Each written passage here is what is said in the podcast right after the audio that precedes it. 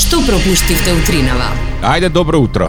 1 октомври, тмурен, грозен, гаден, да ја цитирам Зорка, врне онолку за да те изиритира и да те изнервира. Да, а не дека нешто специјално врне, не дека нешто ако тргнеш без чадор ќе те накисне, ама врне точно толку колку да ти работат брисачите во исто време и да не можеш да гледаш како што треба и да се создаде таква невидена гужва по улици како мислиш дека ку знаеш што се случува. Меѓутоа, во секоја лоша вест се крие и добра А, да вест. си ме здрав и жив, А повели. добрата вест која што мене лично многу ме прави среќен е новиот предлог закон администрацијата во петок да работи само до е, пладне, А, не. односно со 4 Изгледа часовно не ме работно радуваат време. истите работи. Не. Јас вчера го разгледав предлог законот и право да ти кажам, една работа не ми е јасна. Зошто? Зошто? Ај кажи ми, 4 часа. А за да с- Значи, ај 4 часа во петок, разбирам. Луѓето ја бидат поодморени, ама веќе кој им давате на луѓето треба и понеделник скратено да биде. Во петок Така е. да си појдат од работа во 12, во понеделник да си почнат на работа во 12. Имаш точно еден ден плюс за одмарање, веќе кога нели правиме мерки за некој да се одмори. Втора работа, па на крајот на кршата петок и не мора да им биде работа за 4 часа. Или работиме или не работиме, нели? Да, тоа и јас сум поборник на тоа. Или се работи Па или не се работи. зашто да не? Петок не работи администрација. Чао. Нека ти е луѓе. Мислам, пази да ти кажам. Јас разбирам под која е, страна е направена оваа мирка. Да се разработи туризмот. Да? Па да се домашниот оди во тури- странство? Не бре, домашниот туризам да се разработи. Значи завршуваме еве денес, замисли јас и ти сме во државна администрација. Колега, Сме, леле, ние во- де факто да знаеш. Па добра, ама нас не ни се скрати работното време, така Како што- не, па кај кај е тука еднаквоста во државната администрација? Одма бараме, значи во петок емисијата трае 45 Иначе ќе минути. протестирам. Така е. Кај ќе протестирам? Кај се нашите права? Не Кај може да тебе сите во двор. скратено у петок, ние целосно. Кај ќе протестираме кај тебе во двор? Пред МТВ, кај суд таму е у мода да се протестира. Таму толку многу луѓе има пред МТВ што ќе мислат сите сме ги собрале за протест. Тоа види, тоа е тоа, одиш на И тоа квантитет. сакам да ти кажам. Е, мислам дека си имаат седното двајца ваму во не знам кај да се собрание. измислуваат да овие закони. Што ќе правиме? Е, ќе им даваме 4 часа. И сега едниот вика, еј супер, кога си тргнат во 12 во петок, гужвата во петок ќе се скрати. Да, да. Гужвата во петок ќе се- ќе се скрати. Значи не знам тука што не е јасно, тоа е за добробит на сите. Втора работа. Овие што се администрација имаат можност повеќе да се шетат. Значи во 12 ако завршуваме, нас денот денес Ма не, не е само слободен. тоа, петок пазарен ден, па ќе се зголеми потрошувачка на пазарџиите, А, ќе гледаш, се а оди тоа не во, ми, во шопинг. Не ми текна на тоа, ама прав си. Прав сум. Од администрација директно на пазарче, имаш дели на пазарче, бит пазарче, не знам кој е таму пазар, Да сите па пазарче. прошеташ, да подготвиш се за викенд. Одма тука т- така индиректно се работи на зголемување на GDP-то. А така си, е. ако ти после 4 часот попладне, само гледаш дома да си стигнеш, петок, ако си до 12, ќе поидеш на пазар. Апсолутно се согласувам, Зорки. Па после ќе Така поминеш и на до некој трговски центар, детото Така е. ми е во училиште, ќе поминам да прош... Види, Па кафе Во- мафе плюс. А, Малце ли е 70 денари еспресо, маржа Низ центар, 300%? Низ центар, Не. да, ќе си седнеш на еспресо. Сакам да ти кажам за добробит на сите. Меѓутоа требало дополнителни мерки да дадат. Ако петок е скратен, понеделник исто така скратен, да си дојдеш на себе. Да, д- малку да се повратиш од викендот, затоа што викендот е така интензивна активност. Па плюс посебно, нема да си посебно речеш- со, со скратен петок, да кажеме. Е, за не знам за- тоа мора да се... А, не знам за за другиве како оди, меѓутоа а, во 12 ако си завршиш имаш време, ајде да поидеме денес за не знам, Охрид, утре за Преспа, заутре за ете и домашниот а, како се вика да туризам ќе се разработи. Така е, Зорке. Мислам Се дека согласувам со тебе. Не треба да го Апсолутно. гледаме вака црно-бело законот, туку треба да го размислите. Мислам утре може и ние од приватниот е, ние, вие од приватниот сектор да добиете некоја таква идеја. Се надевам само дека нема да ги доработувате нечивите 4 часа. Туку Така е. Ќе ви бидат скратени. Е, е, еве не- што што се тие книжиња? Не, книжиња гледам што пишува, значи е, бранете го предлог законот, не го спомнете камп. Добро, во ред сме.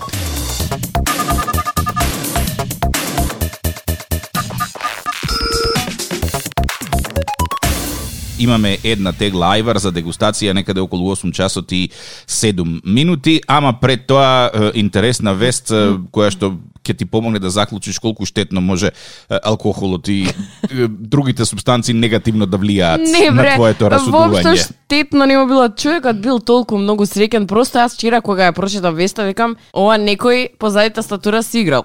Арно, ама гледам дека повеќе ве портали ја пренеса веста, а и во повеќе држави ја пренесена веста и верувам дека тоа е така.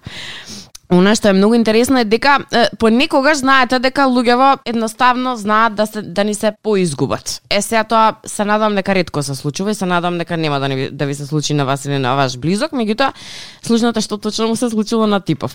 Типов се вика а, Бајхан Мутулу, бил пријавен за исчезнат од пријателите во една рурална населба во близина на турскиот град Енигул.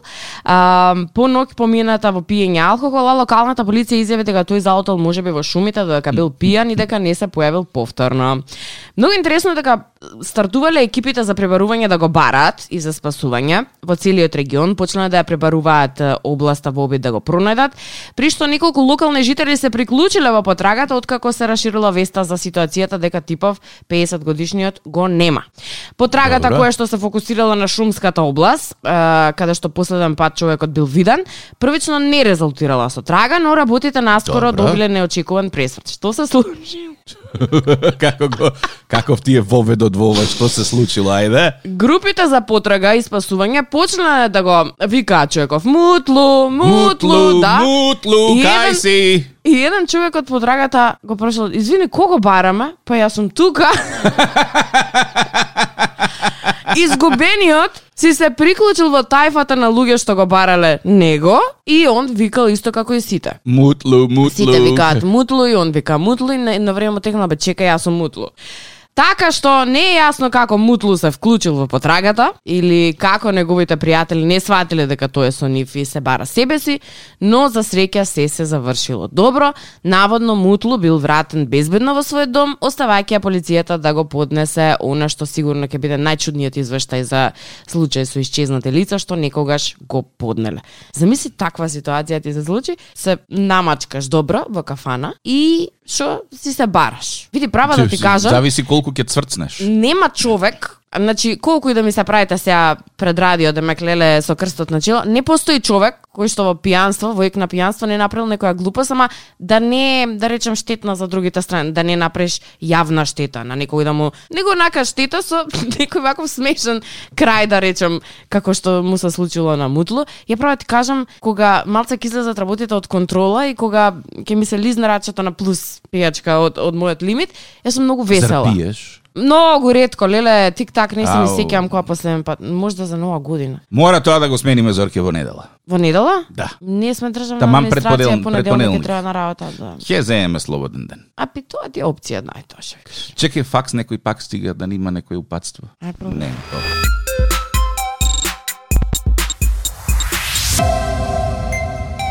Е, апликациите за време велат дека денеска петок сонце и 25% шанса за дошт. Да видам, па да не верувам, искрено. Мојата Зорке. апликација вели некаде кон 13 часот на подрачјето на Скопје ќе се појави сонцето. Охо. А, а веќе некаде кон 18 ептен сонце ќе има, дури и наочари за сонце ќе ви Кај треба. 18 се стемнува веќе. Добро да тие пет и пол минути кои што ќе има сонце, понесете си е, очила за е, сонце, да не биде дека не сме ви кажале, нели? Мислам дека е многу фер да се сподели информација. Впрочем, на крајот на криштата, затоа сме и овде, да се дружиме и да се информираме. Така е. Пиперка по пиперка, ајварче. Тик-так и Зорка го бираат најдобриот ајвар за 2021. А, Од многуте тегли кои што пристигна, денеска брцнавме во една кумановска. Еј, Доаѓа од Ласе. Можеш да ја чкрапнеш за Мож... А, како да не? ја документираме? Ќе документираме или или Па нема? да, па ја мислам дека е фер. Добро, па ја ја више ја крцнав. Е, Ти не само што си ја крцнал, гледам дека си ја дегустирала и вчера, ако не се лажам. Да, почната е синоќе, не можев да одолеам. А, ама така не се договоривме, колега. Добро, се што да ти кажам. Не се договоривме така, че. Е, види, е, ќе бидам пристрасен затоа што и вчера го пробав, искрено на мирис не ми фаќа око. Е, Да. добро, Е, На текстура не е лошо. па не е. е, е. Е, добро, малку поводлесто од тоа што Е, го видиш, имавме. то, то, баш по водлесто. Тоа е тоа што јас го диагностицирав кај, е, кај овој ајвар, за разлика mm -hmm. од другите домашни ајвари, е, од оној што го дегустиравме во понеделникот и оној што јас ги памтам како дете, овој е малку по водлест. Или, јас би рекол, му треба уште минимум саат, саат и пол пржење. Аха. Значи, баш она да се да се пресуши. И друга работа, И Зорке... лекот го, го најде. А? И лекот го И најде. леко- да, и друга работа која што приметив, значи малку овдека е, има е, од ти љупешки мислам дека ги викаш, Да, така? Па, така, е, модерно така се вика, Н- н- љупешки. Не се не се љупешки туку од печената пиперка, од е, лушпата, црнкото загореното, значи пиперките се ептен препечени и кога се мелени не се баш убаво лупени, што според мене е минус. Друга работа која Едно што малку ми е прашање. чудна. Добра. Види, малку е портокалова нијанса. Е сега не знам дали има Може морковче има савено. Е, тоа сакав да кажам. Не можам да го Блака, нели? Блаке, да беше лут, не си играв. Што реме ти зедов лут, јајваро, лут, јајваро, тама е лапни уште едно лажиче, лапни уште едно лажиче. На вкус? Не знам. Добро, ако сакаш, после емисија, додека стасаш до пола, па може на вкус да го... Значи, знаеш, очекувам кога ќе окасна мајварот, буквално да осетам хомогена смеса во уста. Добро, а Ова не е, значи овдека има потреба од жвакање, што значи дека најверојатно е мелено на на крупна? М, Да, еве, значи, цело парче, дали е пиперка, дали е морков. Што и да е на Ама, здравје нека според ти. бојата ќе да е морковче. Што и да е на здравје нека ти. А, ништо. Оценката каква е за, за, За е, ова? Кумановскиот ајвар? Јас... Каква е оценката? Каква оцен... Види, Колега, е, да се вратиш дома, да поднаучиш како се прави ова, па да се обидеш повторно.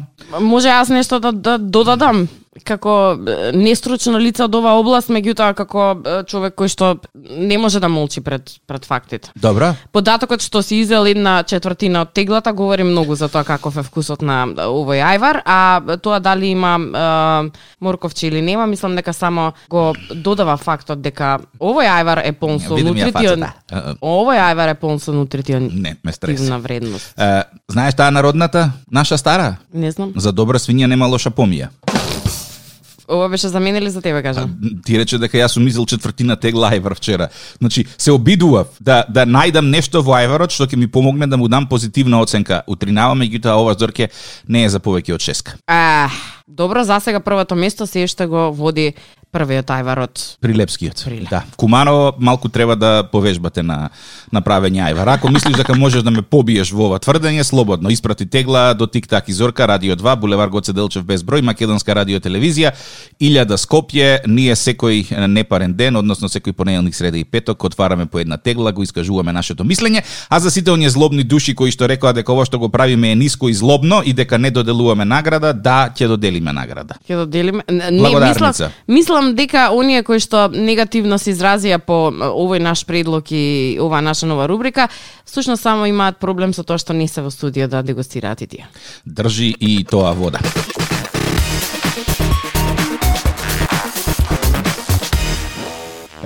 Е, тоа беше тоа. Е, апропо Кузне муабетот каква за... сум, давај вам телефонот. Апропо муабетот е, утринава за... Добра. Како се викаше турчинот што се изгубил? Е, го заборев, Му- муту, му- му- муту, му. Појме немам, добро да? е? Е, стаса една порака од наш слушател која што оди вака.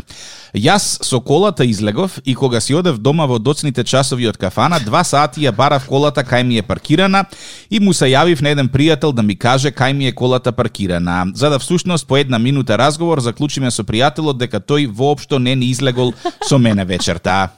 И ништо си отидов со такси и другиот ден кога се разбудив и кога видов дека ми ја нема колата пред врата си мислев дека некој ми ја украл.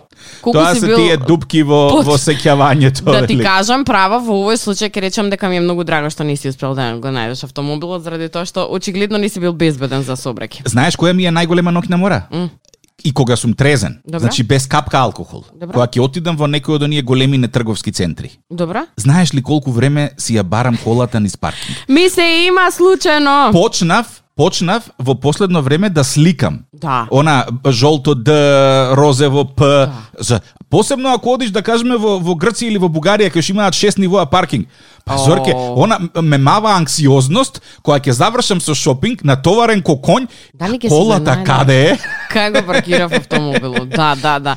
Мислим, има случајно и тоа при отварање на Сити Мол наш, со, е, тогаш не бев јас шофер, со е, мојата драга брачетка, се паркираме. Не знам ни до ден денес кај се паркиравме. вртиме, бараме, цели беше, дели беше, појма немам, некако ја најдовме на крај. И, многу јакиот момент беше дека не за само што и беше е, купен автомобилот пред, да речеме, одредено време, две-три недели, значи уште не си навикнати на изгледот на автомобилот.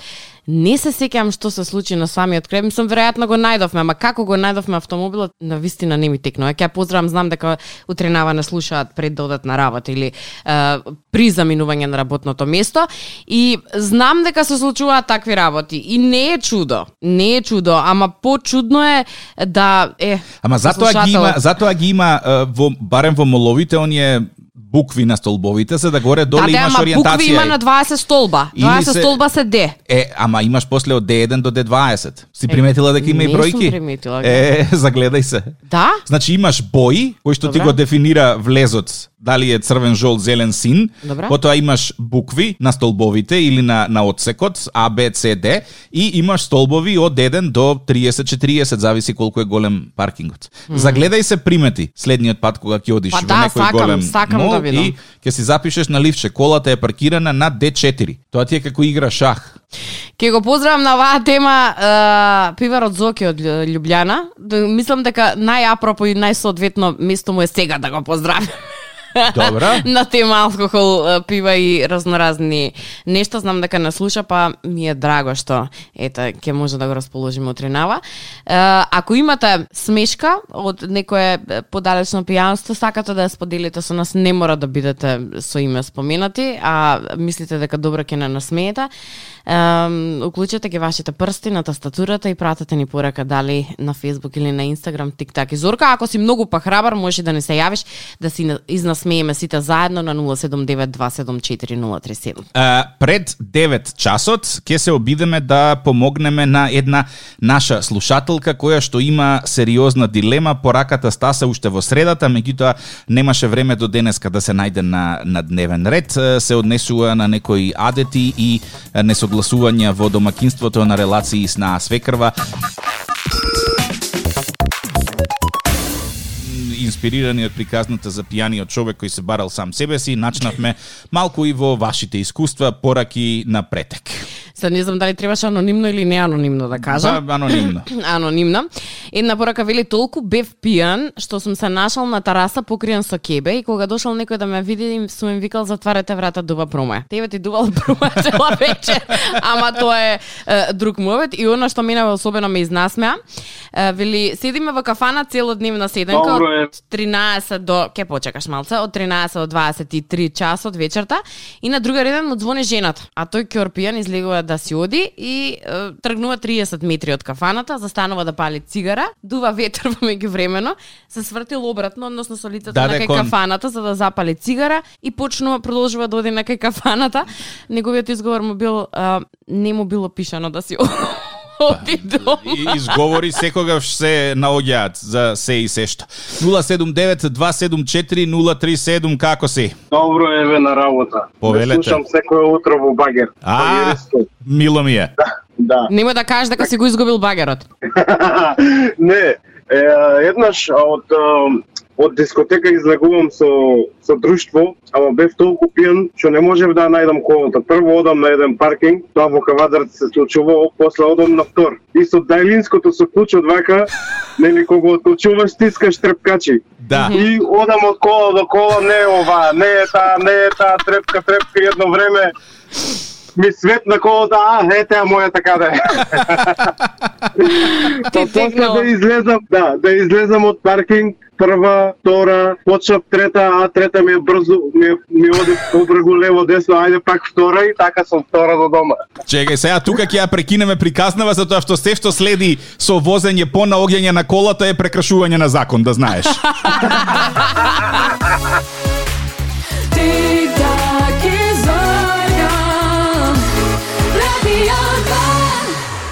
Тик-так и Зорка, утринско будење со нас, мислам, веќе е време и е, не будење, Ручек да ставиш. ручек треба да, да, да почне да правите. Е, Стаса две пораки кои што морам да ги споделам со вас на тема како тоа алкохолот знае со вас да се поигра во некои моменти.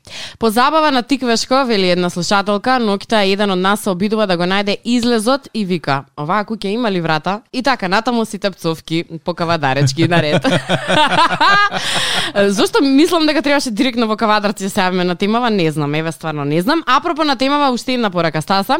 Нова година вели се враќам дома, натопен од алкохол, се преслекувам, облекувам пижами, легнувам да спијам. Арно, ама цела ноќ некако нешто ме стега во вратот од задната страна. И нели нормално се викам, ајде пијан сум, ќе помина до сабајле. Се будам утрото и дури тогаш сваќам дека долните пижами сум ги облекол горе, ноговиците на раце, еластикот на струкот префрлен преку глава. Е, па, тоа е тоа, значи, е, која била таа, кој бил тој студ што го натерал така да се да се потруди и да се стутка во Која во била пижама? Значи, таа логика да ги облечеш Е, така? Во тие моменти Зорке ти не бараш логика. Логика нема. Да. Логиката те бара тебе. 079-274-037 звони, ало. Е, сега вака.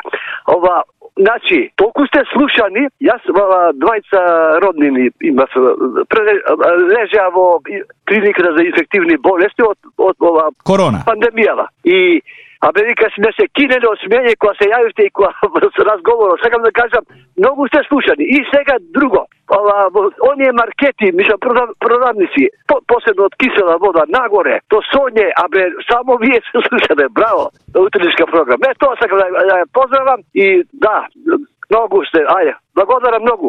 Нема на што. Многу сме благодарам. Не сме многу само двајца сме, ама благодарам во секој случај на сите комплименти.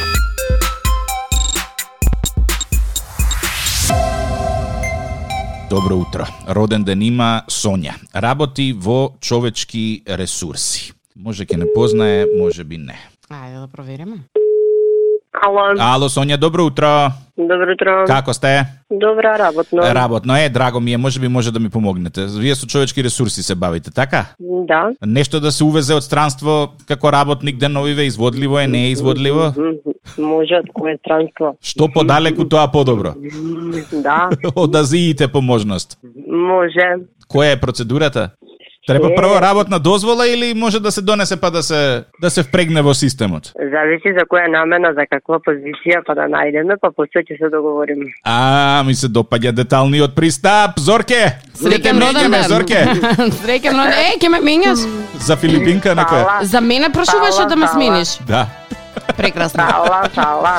Честиткава ти е од Дани и Чичко ти Зоран. Фала многу, живи здрави сите. Како ќе се слави денеска?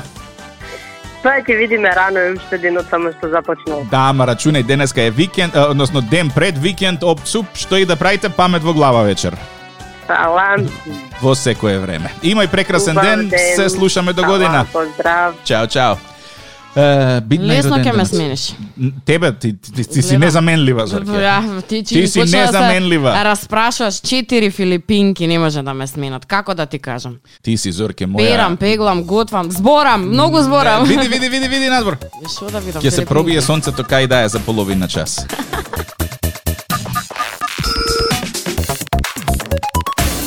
Е, Твојата апликација беше во право во 13 часот ќе се појави сонце.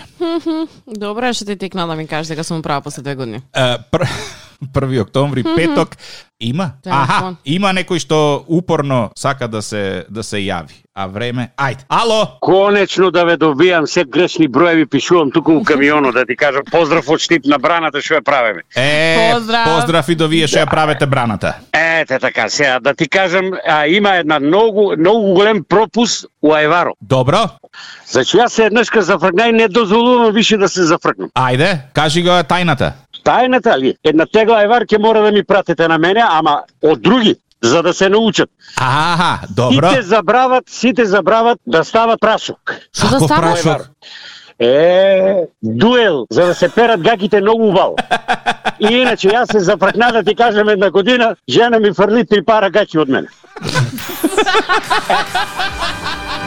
На Радио 2, секој работен ден од 7.30. Будење со Тик-так и Зорка. Во случај на неконтролирано смеење и симптоми на позитивно расположение, консултирайте се со вашиот лекар или фармацевт.